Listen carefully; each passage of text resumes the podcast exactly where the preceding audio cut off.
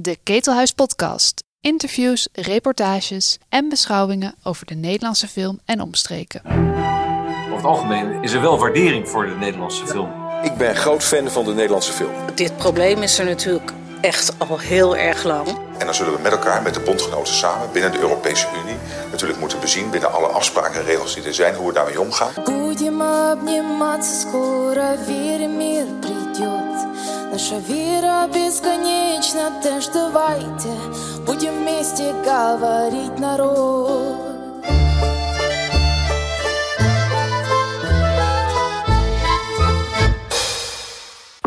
Nu de bioscopen weer als vanouds open zijn, mondkapjes kunnen worden weggegooid en de corona-check-app niet meer gebruikt hoeft te worden, lijkt het oude normaal weer terug te zijn. Elke week gaan er weer een bak nieuwe films in première in de filmzalen en de nieuw- en verbouw van filmtheaters wordt weer opgestart. Maar sinds de vorige podcast over streaming, precies één jaar geleden, zijn de ontwikkelingen niet gestopt. Nieuwe streamingplatforms als HBO Max en Viaplay breiden in snel tempo uit en zijn deze maand ook in Nederland van start gegaan. Netflix domineert de Oscar-race op een schaal die een paar jaar geleden nog ondenkbaar was. En bioscoopleider Pathé kocht de in 2014 verkochte TVOD-dienst Pathé Thuis weer terug. Waar het aan het bioscoopfront inmiddels rustig is geworden, nu de markt is verdeeld onder drie grote internationale spelers en de filmtheaters de professionaliseringsslag hebben doorstaan, vindt de strijd nu plaats op de streamingmarkt. In Nederland staat Netflix, net als in veel andere landen, nog stevig op de eerste plaats. Maar Disney rukt op en start dit jaar in maar liefst 42 nieuwe landen.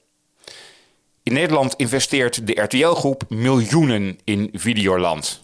Topman Sven Sauvé noemde het online platform onlangs de levenslijn voor de lange termijn. En traditionele mediapartijen als Ziggo moeten knarsetandend toezien hoe HBO Max content wegtrekt en op het eigen kanaal achter een stevige betaalmuur plaatst. Hoog tijd dus voor een update podcast rond streaming. Eerst maar even wat kenners aan het woord over de richting waarin het streaminglandschap zich gaat ontwikkelen en welke partijen we in de gaten moeten houden. Dat streaming ook big business is, wordt duidelijk als ik Casper Scheffer, marktanalist van de entertainmentbranche bij PricewaterhouseCoopers, spreek. Maar wat doet hij eigenlijk? Ik ben een, uh, ja, je zou het een consultant kunnen noemen. Ik adviseer bedrijven met name in de technologie, media en telecom-industrie bij fusies en overnames. Kortom, Casper is iemand die streaming op de voet volgt.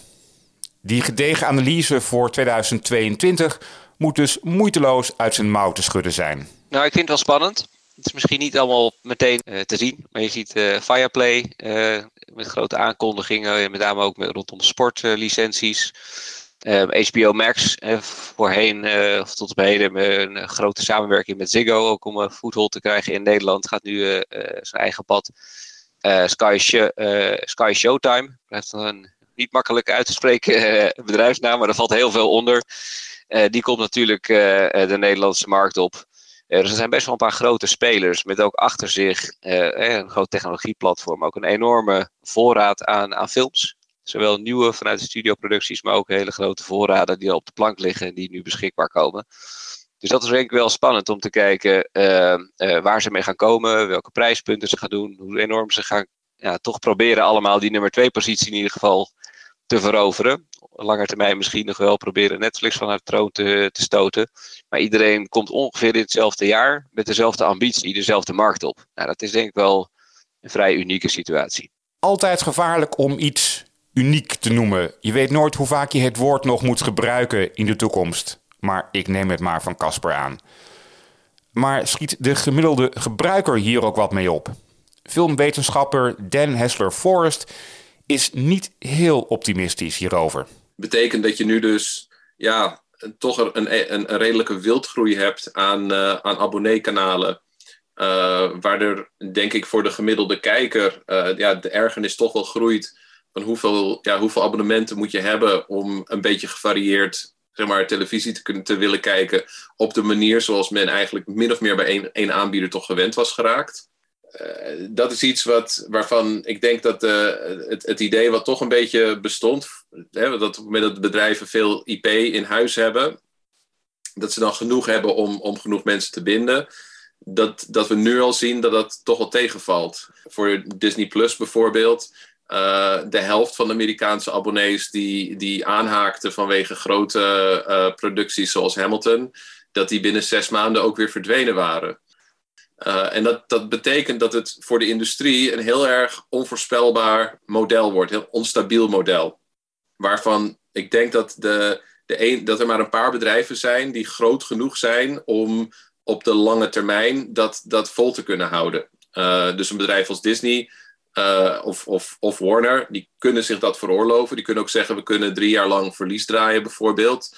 Want we hebben die lange adem, want we moeten wel. En, en die slag van ja, wie, wie, wie, wie redt dat en wie redt dat niet, die wordt in ieder geval binnen de industrie gewoon volledig gezien als een, ja, een IP-war. Dus wie heeft de meeste uh, herkenbare brands in huis waar ze niet alleen series en games en films van kunnen maken, maar die ze ook in een pretparken kunnen zetten, die ze kunnen licenseren aan Hennis en Maurits om op t-shirts en pyjama's te drukken. En dat is, dat is de wereld waar we nu een beetje in, in leven. Ja, dus er, er vindt een soort kaalslag plaats in, in, creativiteit binnen, binnen de filmindustrie. Omdat alles draait om wie IP heeft, die kan streamen. En als je kan streamen, dan heb je, heb je een klantenbestand. En dan gaat het erom, steeds op de korte termijn, hoe kunnen we in het komende kwartaal weer nieuwe klanten, hè, weer nieuwe abonnees aantrekken. Zo plat is het dus. En al helemaal dit jaar als het titanengevecht ook Nederland bereikt. Wat je ziet, doet er volgens Dan Hessler Forrest dus niet toe. Betekent de macht van de grote streamers echt zo'n kaalslag? Er worden toch geweldige producties gemaakt. Neem alleen al het met Oscar-nominaties overladen The Power of the Dog van Jane Campion. Daar wordt toch veel in geïnvesteerd. Of niet? Het merendeel van Netflix en Amazon Prime films, of die dat, dat label hebben, van Amazon Studios, die zijn aangekocht. Omdat die onafhankelijk zijn geproduceerd. Het zijn micro-budget films vaak. En er is een klein deel wat, uh, wat door hen is mede gefinancierd vanaf, vanaf het begin. Um, daarvan zeg ik van ja, het is beter dan niks. Hè? Het is beter dat er voor filmmakers dat er nog steeds wel een paar bedrijven zijn. Dat Scorsese, als hij de Irishman wil maken, dat hij dus bij Netflix kon aankloppen, omdat geen enkele andere studio hem dat geld ervoor wilde geven. Je ziet dat het verschil groeit tussen filmmakers als uh, Scorsese en misschien Wes Anderson en Quentin Tarantino. Die kunnen zeggen: wij hebben al een, een, een publiek. Dus wij kunnen ook heel veel van de creatieve beslissingen en hoe de film eruit ziet, hoe lang die mag zijn, kunnen wij allemaal zelf maken. Tegenover onafhankelijke filmmakers die veel harder worden aangepakt. Uh, en ik denk dan bijvoorbeeld aan Michaela Cole, die uh, ook bij Netflix haar serie uh, I May Destroy You had gepitcht. van echt, we weten nu, die is, die is uiteindelijk gemaakt, maar bij BBC. Um, en dat was omdat de voorwaarden die Netflix stelde, zowel over artistieke ja, autonomie als het, het, geld wat zij eraan over zou houden, al, dat, al dat soort aspecten, ja, daarin zijn zij snoeihard tegen jonge en opkomende filmmakers. Ja, en een ander probleem wat daarbij komt kijken is dat de, uh, de, de manier waarop dit soort platform, eh, zeg maar, platform of distributieplatforms als Netflix, die streamingplatforms werken, die hebben veel meer de, de, de, de functie van een, ja, uh, hoe noem je dat, een, een lopende band consumptiemodel. Dus het, dingen komen en verdwijnen gewoon eigenlijk veel te snel om, om impact te hebben. Ze kunnen alleen overleven als ze steeds meer uh, abonnees trekken. Dus het gaat er niet om, om zeg maar, een, een, een filmminnend publiek uh, nou ja, op de best mogelijke manier ja, de, uh, film, ik zeg niet, ja, zij zeggen content, maar laten wij zeggen, weet je wel, film en mooie tv-series te laten, te laten genieten. Maar om, net als Facebook, ons, ons, ons zo lang mogelijk af te leiden met zoveel mogelijk prikkels. Het lijkt er dus op dat met nieuwe spelers als HBO Max, naast de groei van de bestaande Amerikaanse giganten, de Nederlandse streamingmarkt flink veramerikaniseert. Met hooguit een bijrol voor lokale spelers als Videoland. Of zijn we zo op de VS gericht dat we dat wel prima vinden? Casper Scheffer. Als je kijkt naar het Nederlandse publiek, denk ik al ja, misschien vanuit de jaren 80, 90. Hè, zolang we zeg maar met z'n allen tv kijken in, uh, in de huiskamer, staan we gewoon heel erg open voor, voor Engelstalig en daarmee Amerikaanse content.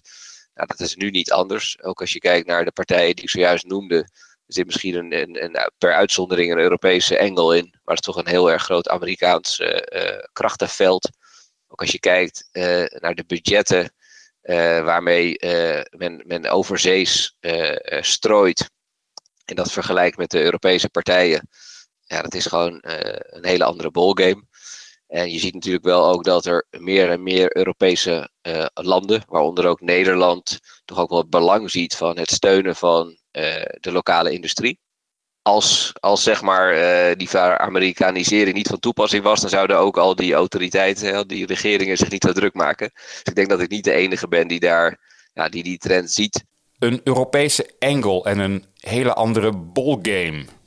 De veramerikanisering is dus niet alleen merkbaar bij streamers, maar ook bij industry watchers. Eens kijken hoe de Nederlandse filmwetenschap hierin staat. Den Hester Forrest ziet een interessante ontwikkeling bij de grote Amerikaanse spelers. Transnationale franchises versus het focussen op lokale niches. Ik denk dat je daar, uh, daar wel echt een verschil gaat zien tussen uh, bedrijven zoals Disney of HBO Max, die, die, die veel meer de accenten leggen op uh, grote internationale en transnationale franchises. tegenover uh, Netflix, uh, Videoland, nog een paar die, die meer inzetten op diversiteit. Die zeggen, hè, Netflix is heel anders dan Disney+. Plus. Het is niet zo dat alles onder één soort van brand paraplu moet vallen.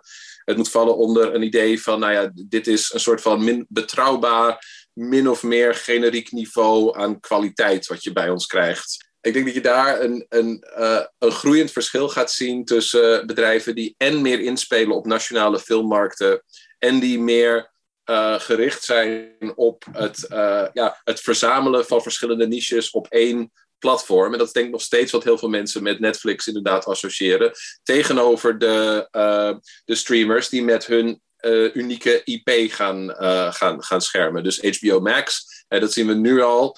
De reclames zijn allemaal, kom bij ons voor Game of Thrones, kom bij ons voor Friends, weet je wel. Dat zijn allemaal proprietors, het zijn gewoon hun eigen dingen die in hun mediabibliotheek zitten en die ze zullen blijven uitbouwen.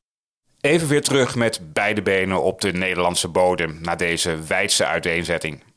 Het aantal nieuwe aanbieders, groot en klein, die dit jaar de Nederlandse streamingmarkt opkomt, is gigantisch. Ik hoor niemand in mijn omgeving die klaagt over het gebrek aan aanbod bij de huidige aanbieders. Casper Scheffer voorziet dan ook een omslagpunt. Als alles zo doorgaat zoals het er nu naar uitziet, zitten we aan het einde van het jaar rond de 25 streaming uh, aanbieders. Op uh, wat, hoeveel meen, zeg 17 miljoen inwoners, 7 miljoen huishoudens. Dat vind ik vrij veel. Um, in Amerika gaat volgens mij het aantal streaming aanbieders richting de 100.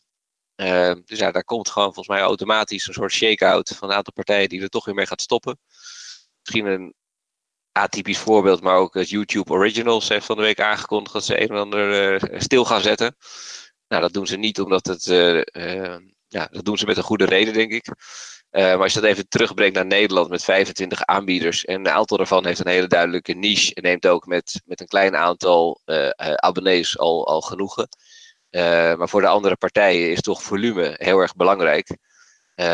ik denk dat het een een utopie is dat uh, ieder Nederlands huishouden voor een tientje op de eerste rij kan zitten. Hè? Dus dat je met één, één abonnement oneindig veel content uh, kan blijven zien. Aan de andere kant wil je ook niet te veel abonnementen tegelijk hebben. Een van de beeldbepalende Nederlandse spelers is Pathé Thuis. De pay-per-view aanbieder die recent na een zelfstandig avontuur weer in de moederschoot terugkeerde.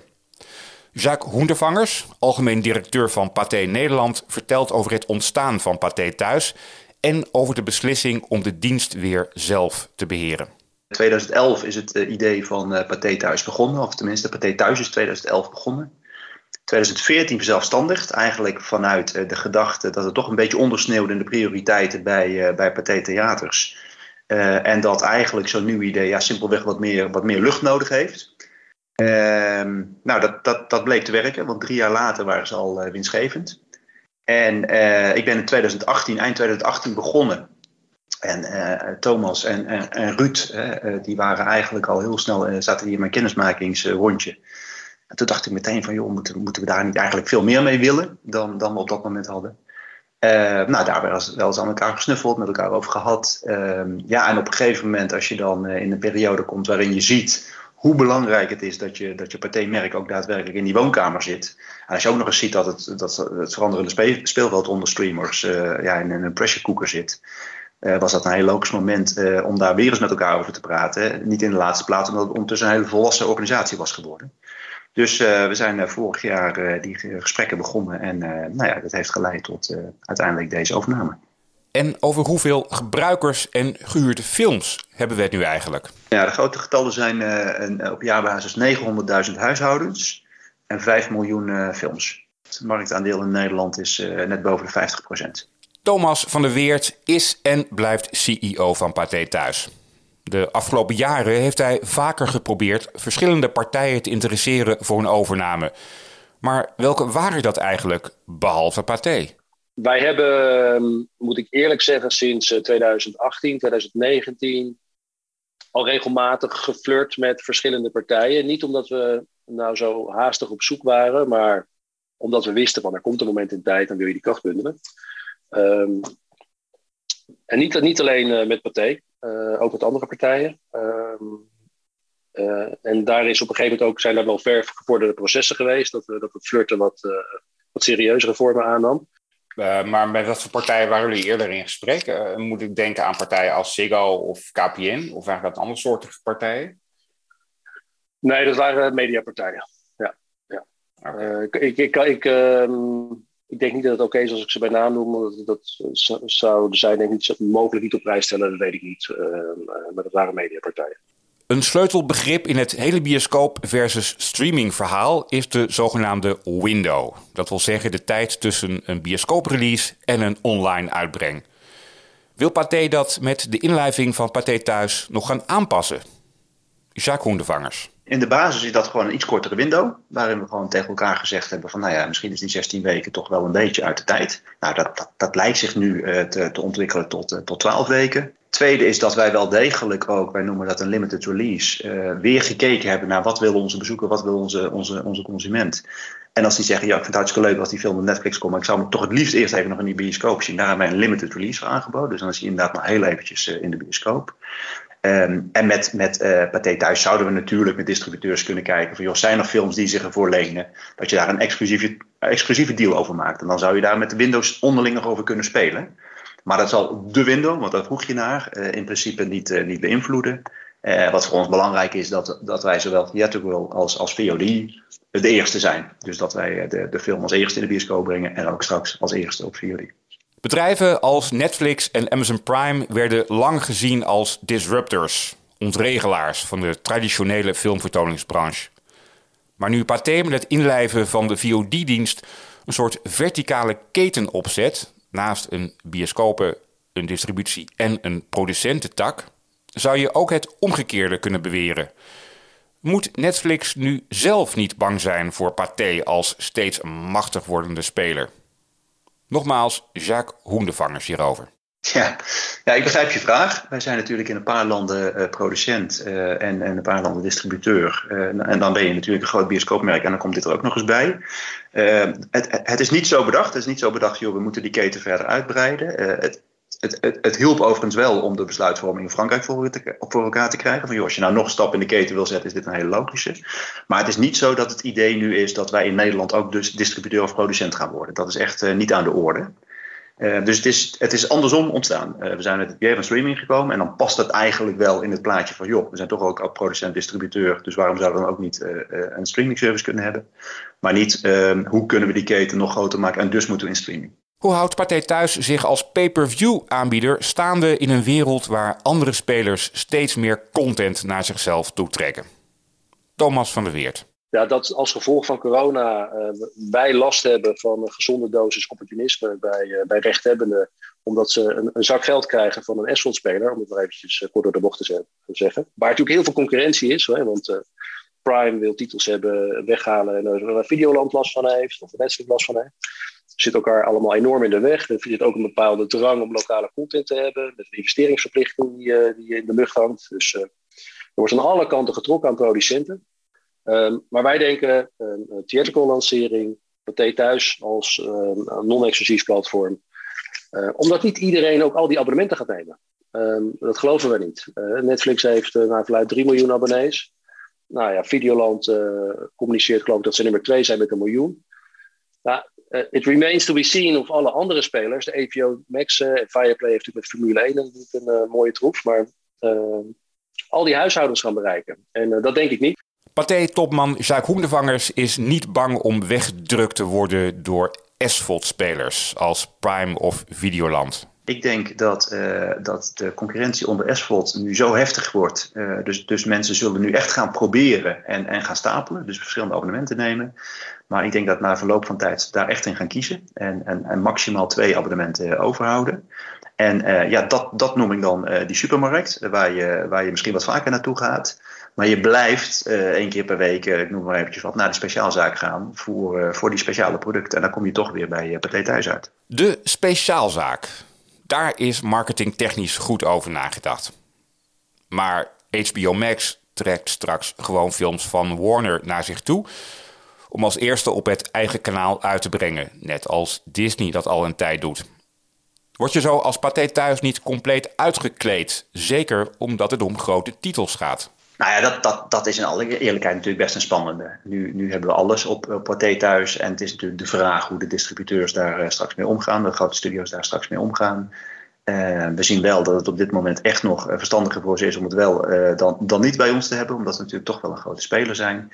Ja, ik, ik, ik, ik, kan niet in de toekomst kijken. Ik kan me voorstellen dat dat wel een van de gedachten is waar, waar zij ook aan denken. Ehm, maar dan denk ik dat we nog steeds voldoende aanbod, om, aanbod hebben om die gebruikers te blijven bedienen. En dan de grote vraag. Welke streamingdiensten gaan de hevige concurrentieslag dit jaar overleven? Terug naar marktexpert Casper Scheffer. Nou, ik denk dat van de grote aanbieders, eh, dat die als zij individueel de markt op blijven gaan, dat dat heel ingewikkeld is.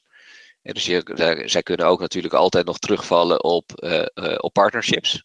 dus dat denk ik toch ook al dat hier nu al erg plaatsvinden. Hè. Dus ook zo'n zo'n Sky uh, Showtime, dat is eigenlijk al een cluster van een paar hele grote bedrijven, die ieder op zich al miljardenbedrijven zijn. Uh, dus die partnerships zijn niet nieuw, maar dat gaat denk ik wel verder. Uh, langs de kant van de technologie ligt misschien weer nog een oplossing. Ik weet niet of je dat hebt gezien, maar het bedrijf Roku uh, is nu ook uh, ingestapt uh, in die complexiteit eigenlijk. Hè, die, die keuzestress, ehm, zo je wil, van, van de kijker om toch uh, verschillende streaming sites te kunnen bundelen uh, en zo verder aan te bieden. Uh, zij zijn in ieder geval een aantal Europese landen nu al actief. Ze hebben nu ook uh, neergestreken, ook in Amsterdam met een hoofdkantoor. Dus ik denk dat ze de Nederlandse markt ook wel een keer op gaan komen.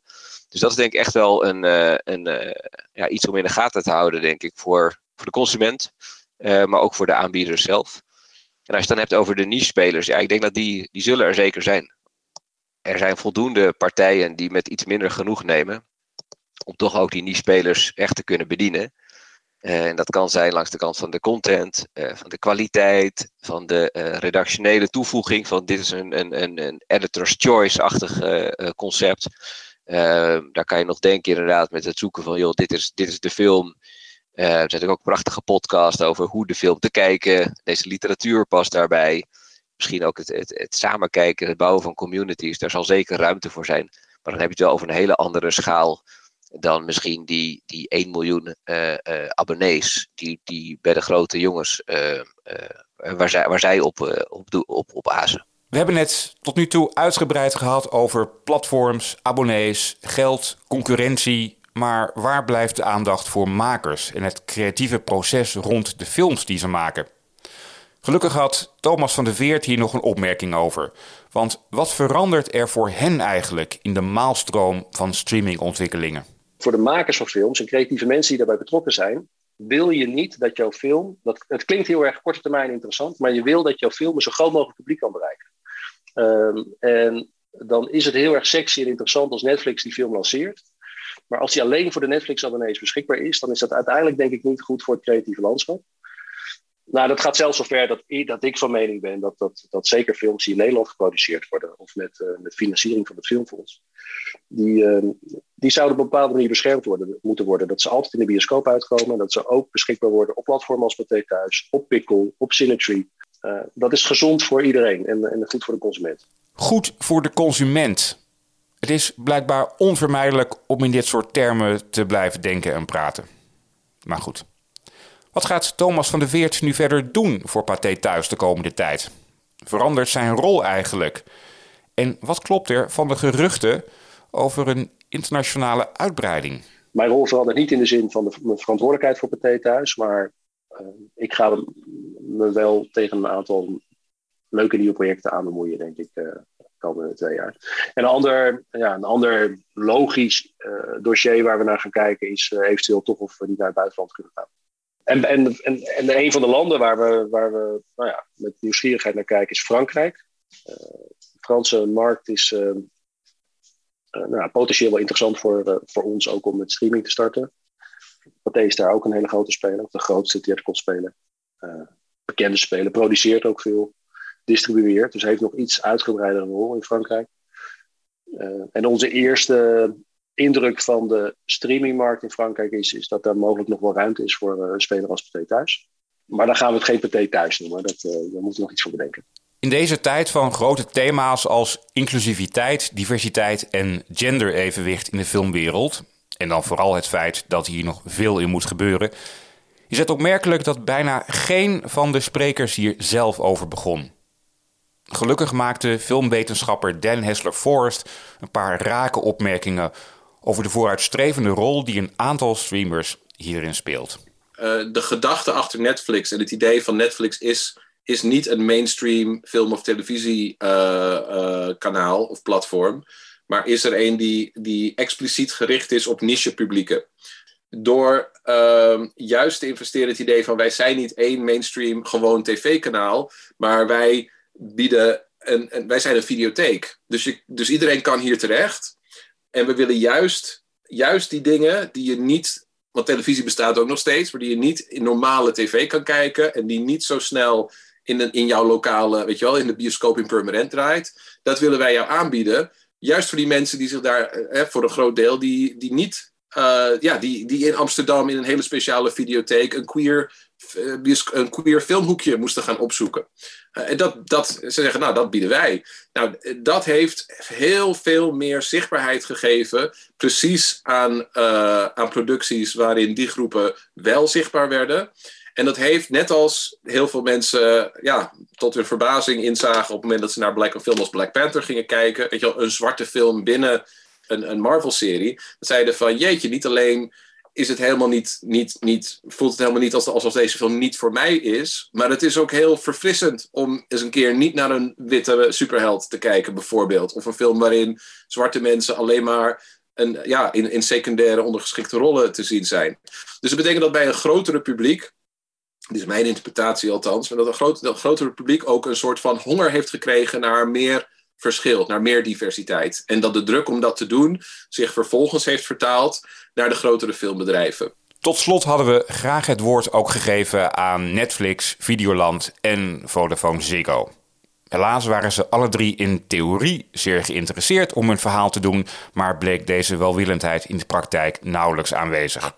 Ze waren te druk, wie is dat niet in deze tijd, en liever benaderden ze de Ketelhuis podcast op het moment dat ze zelf wat te verkopen of presenteren hadden. Waarmee communicatie voor hen gewoon een ander woord voor marketing is geworden. Jammer dat deze partijen hun verantwoordelijkheid hierin niet hebben willen nemen. De laatste woorden zijn voor Casper Scheffer, die een voorspelling doet over de rol van nieuwe en bestaande streamingpartijen in 2022. Kom maar op. Wat belangrijk is, is een punt wat je zojuist ook, ook, uh, zelf benoemde, is in hoeverre zijn de studio's uh, voldoende uh, bereid om de bioscopen die, die exclusiviteit te, te willen bieden. Kunnen ze zich dat permitteren of gaat er zoveel geld tegenaan om die streaming sites succesvol te maken dat ze het niet kunnen permitteren en dat ze toch ervoor kiezen om direct die kant op te gaan? Ten tweede, wat ik wel ook benieuwd naar ben, is wat gaat er gebeuren met al die prijspunten. En hoe gaat ook hè, toch ook wel de wereldwijde nummer 1 Netflix daarop reageren. Je ziet dat het, het, aandeel Netflix uh, best wel uh, gevoelig is voor ja, de concurrentie, voor de kijkcijfers per kwartaal, et cetera. En uh, ja, de, de, de, partijen die nu deze kant op komen, die gaan allemaal met diezelfde facetten te, te maken krijgen.